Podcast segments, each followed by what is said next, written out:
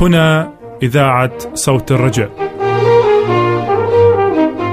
أهلا وسهلا بكم أعزائي المستمعين إلى بثنا اليومي باللغة العربية.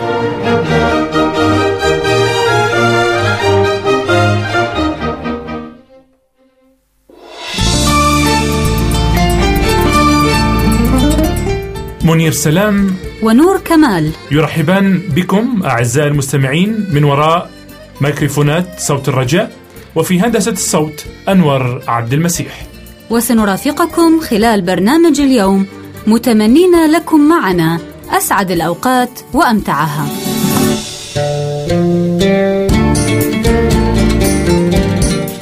سيتضمن برنامجنا لهذا اليوم دروس من الحياة دروس نتعلمها من واقع الحياة. ومن ثم نستمع إلى عالم الأسرة برامج عائلية لأسرة سعيدة كريمة. فكونوا معنا.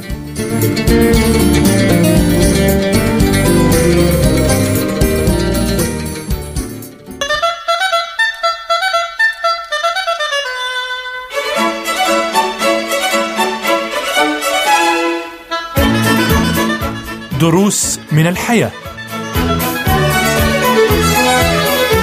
برنامج أسبوعي يقدمه منير سلام.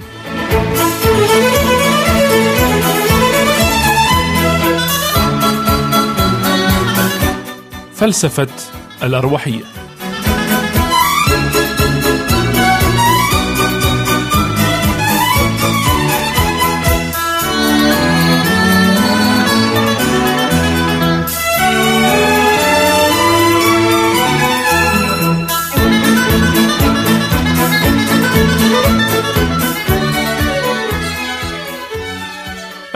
وسهلا بكم أعزائي المستمعين إلى برنامجكم الأسبوعي دروس من الحياة.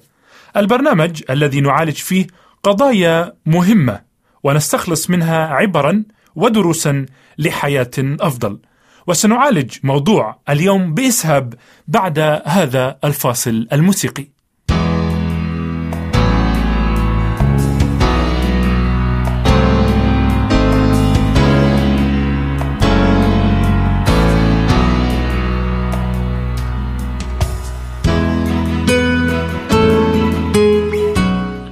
لقد قال الحكيم سليمان لأنه كما شعر في نفسه هكذا هو.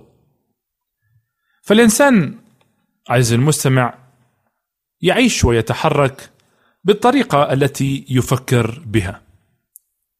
فالفكرة هي عبارة عن شرارة والشرارة كما تعلم قادرة على حرق العالم.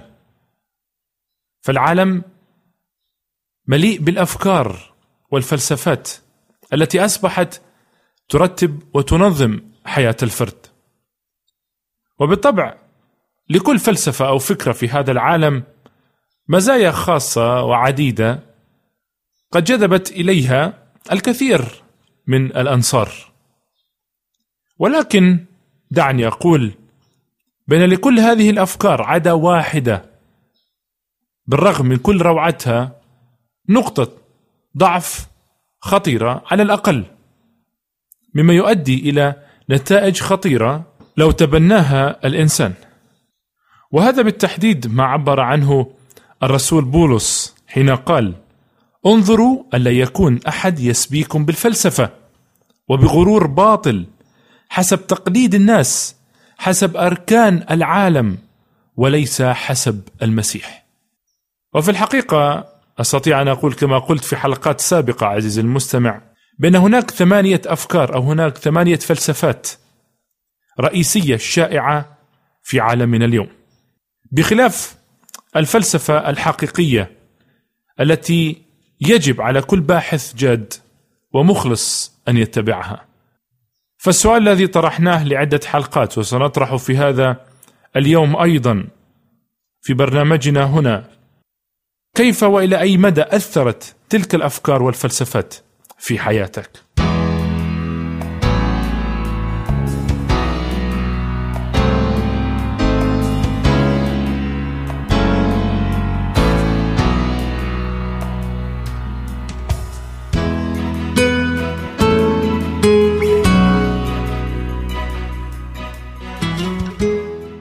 واليوم سنناقش معا فلسفة الأرواحية أو الاتصال بالأرواح.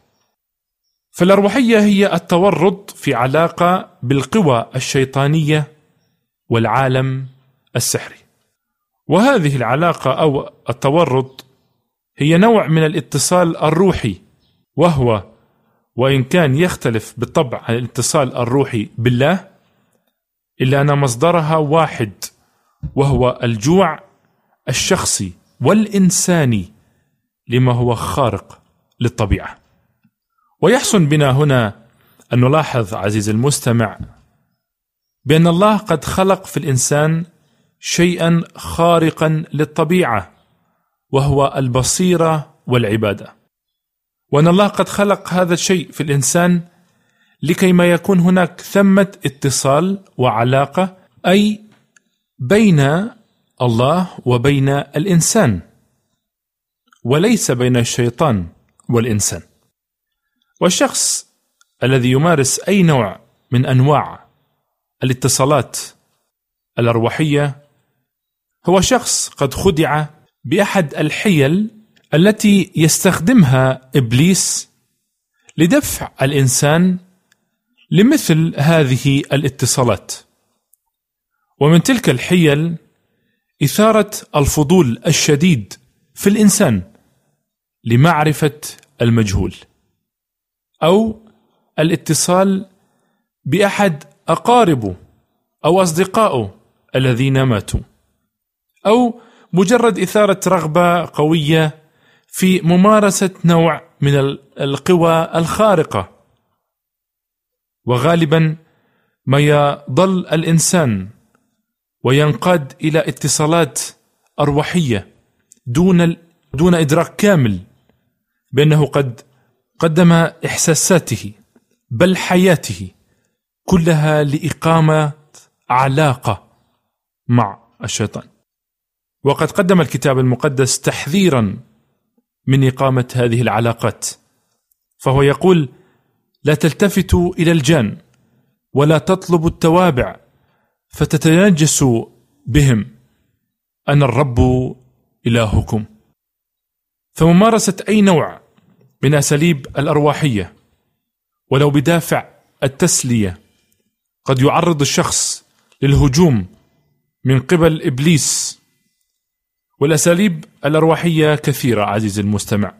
فهي تشمل العرافة وألعاب الورق والتنبؤ بالمستقبل بمختلف أساليبه من أوراق الشاي أو قراءة الفنجان أو قراءة الكف أو التنجيم أو استخدام آه، الطوالع أو الخرائط الفلكية أو غير ذلك.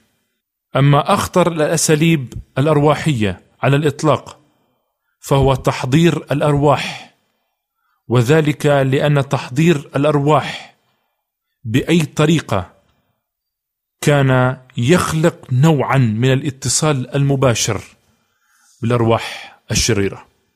كما عليك أيضا عزيزي المستمع ألا تنسى فكرة معرفة المستقبل.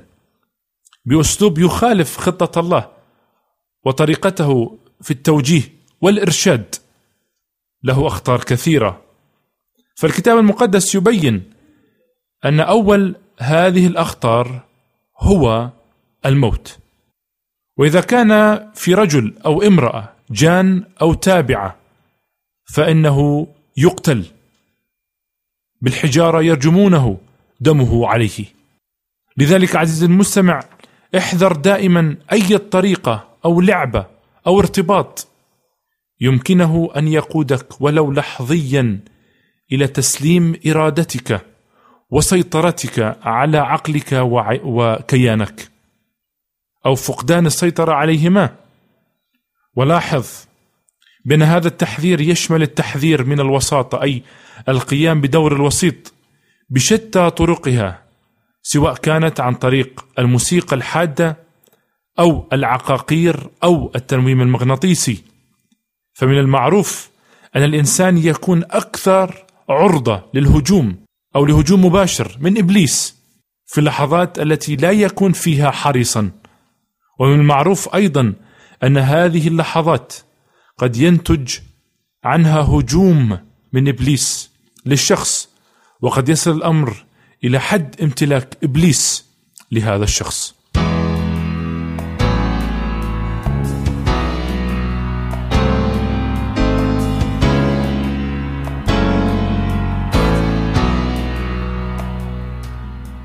ولكن إذا ما تمعنت النظر في الكتاب المقدس. تجد بأن جميع أمور السحر والشعوذة قد أدينت بدون أي تحفظ. فنقرأ هذه الآيات.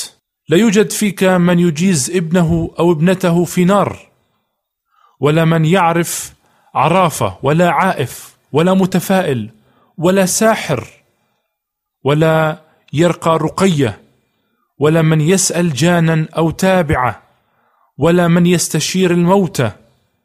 لأن كل من يفعل ذلك مكروه عند الرب. وإذا قالوا لكم اطلبوا إلى أصحاب التوابع والعرافين المشقشقين والهامسين ألا يسأل شعب إلهه؟ أيسأل الموتى لأجل الأحياء؟ إلى الشريعة وإلى الشهادة؟ إن لم يقولوا مثل هذا القول فليس لهم فجر.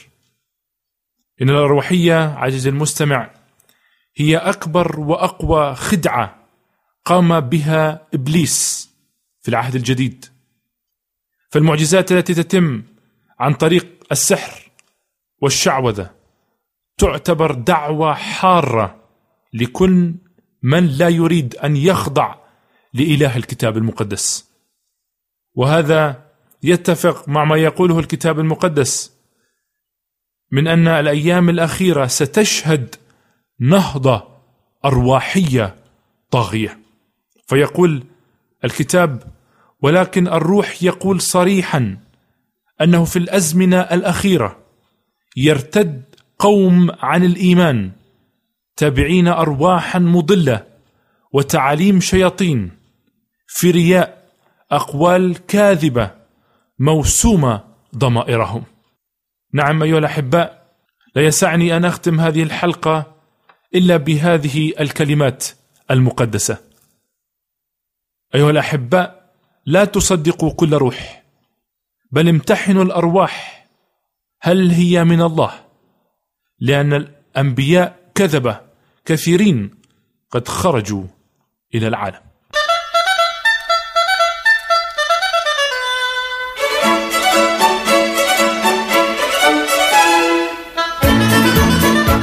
قدم لكم منير سلام دروس من الحياة وإلى اللقاء مع درس قادم في حلقة قادمة.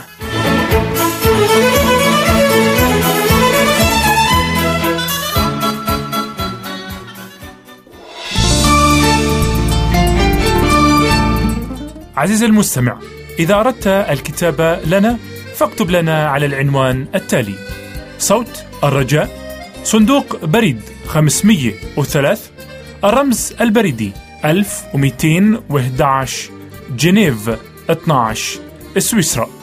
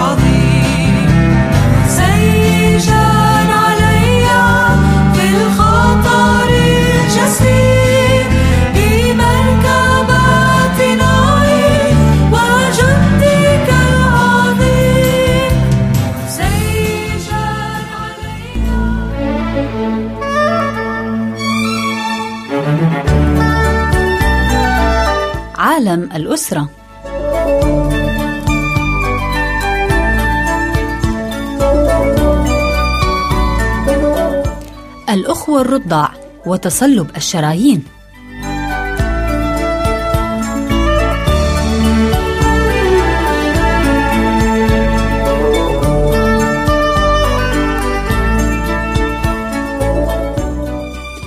عزيزي المستمع عزيزتي المستمعة توصل العلماء إلى أن وجود أخوة صغار يساعد في تقوية جهاز المناعة عند الإنسان. وحمايته من الأمراض والاضطرابات وخصوصا ما يعرف بداء التصلب المتعدد للشرايين.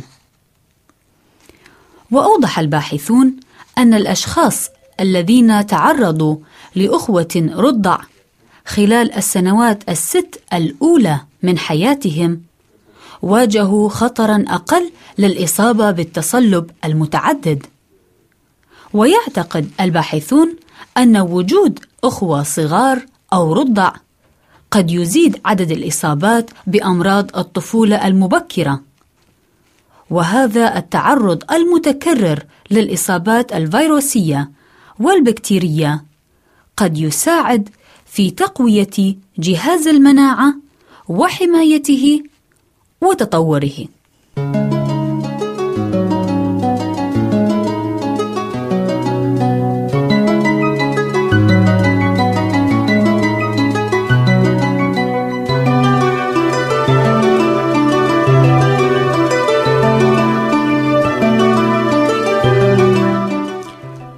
هذا وبالنسبة لتصلب الشرايين المتعدد فقد أثبتت دراسة جديدة أن استهلاك كمية صغيرة من شراب الرمان يوميا قد يضمن التمتع بشرايين سليمة شابة ومرنة. فقد وجد الباحثون أعزائي أن تناول مقدار قليل من شراب الرمان كل يوم يعكس التصلب والتضيق في الشرايين السباتية المغذية للرقبة وللدماغ مما يساعد بالطبع في الوقاية من مضاعفات التصلب الشرياني المسبب للسكتات الدماغية وأمراض الخرف. وأرجع الخبراء هذه الفوائد إلى غنى شراب الرمان بمجموعة كبيرة من المواد القوية المضادة للأكسدة كالمركبات الفينولية والتانين والأنثوسيانين والتي تعيق عمليات تأكسد البروتينات الشحمية قليلة الكثافة الحاملة للكوليسترول السيء والمسببة لتصلب الشرايين. والجدير ذكره أعزائي أن المراكز في كل مكان في العالم تقوم بعمل التجارب على المواد الغذائية الطبيعية والتعرف على الفوائد التي يجنيها الإنسان إذا ما تناولها بانتظام أو من وقت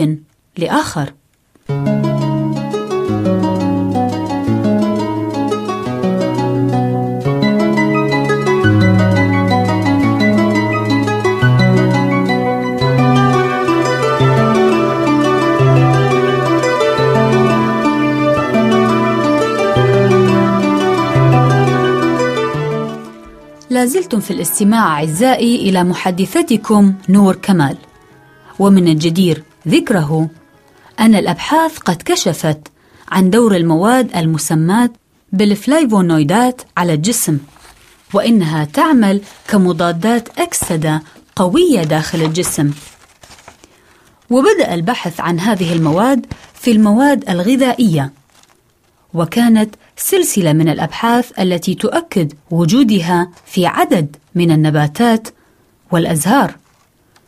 وخص الشاي بعدد جيد من الأبحاث في هذا الجانب. ولكن جديد اليوم اتجه إلى الرمان ووجد أنه زاخر بمركبات منع الأكسدة هذه حيث وجد أنها فعالة وبصورة جيدة لمنع أكسدة دهون البلازما والتي يعتقد أنها من أسباب تصلب الشرايين. ووجدت النتائج أن عصير الرمان يعمل على التقليل من تكدس البروتينات الشحمية الضارة بالجسم وأكسدتها عند المتبرعين الأصحاء. كما أنه أي عصير الرمان يؤدي إلى تقليل حجم مشكلة تصلب الشرايين في فئران التجارب. وخلصت الدراسة أعزائي بنتيجة مفادها أن لعصير الرمان مفعولا قويا كمضاد لتصلب الشرايين عند الأشخاص الأصحاء وكذلك عند الحيوانات المصابة بتصلب الشرايين. وهذا المفعول يرجع وبصورة أساسية لوجود مضادات الأكسدة في الرمان. العالم اليوم يتجه أعزائي إلى الغذاء بدلاً عن الدواء في معالجة ووقاية الكثير من الأمراض التي نواجهها في حياتنا اليومية والتي هي في تزايد مستمر. فلنهتم إذا أعزائي بتغذيتنا وبالمواد الداخلة إلى أجسامنا لنحصل على صحة وحياة أفضل. وفي النهاية أودعكم على أمل اللقاء بكم أعزائي في حلقة جديدة من برنامجكم هذا.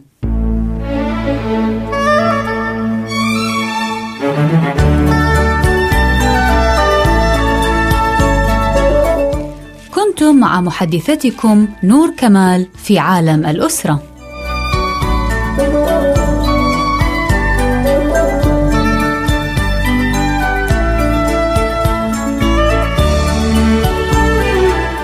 إذا كان لديك عزيزي المستمع عزيزتي المستمعة أي سؤال أو استفسار أو حتى اقتراح فأرجو الكتابة لي شخصيا على عنوان البرنامج الذي ستسمعونه في نهاية البث وسأكون في غاية السرور للإجابة عليها.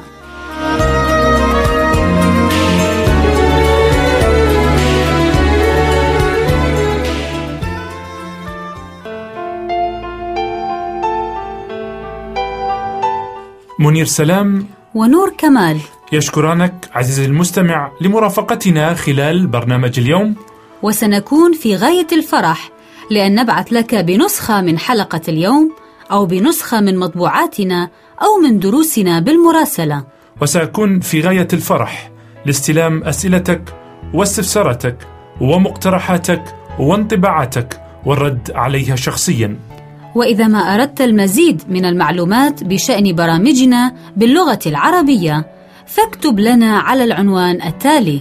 عنواننا هو صوت الرجاء صندوق بريد 503 الرمز البريدي 1211 جنيف 12 سويسرا. نعيد العنوان باللغة العربية. صوت الرجاء صندوق بريد 503 الرمز البريدي 1211 جنيف 12 سويسرا. والرجاء كتابة العنوان باللغة الإنجليزية على النحو التالي. Voice of Hope P.O. Box 503 CH 1211 جنيفا 12 سويسرلاند ولك منا من وراء ميكروفونات صوت الرجاء أرق وأحلى سلام. ولك من مهندس الصوت أنور عبد المسيح نفس المحبة والترحيب. وإلى اللقاء مع برنامج قادم. وليكن الرب معكم.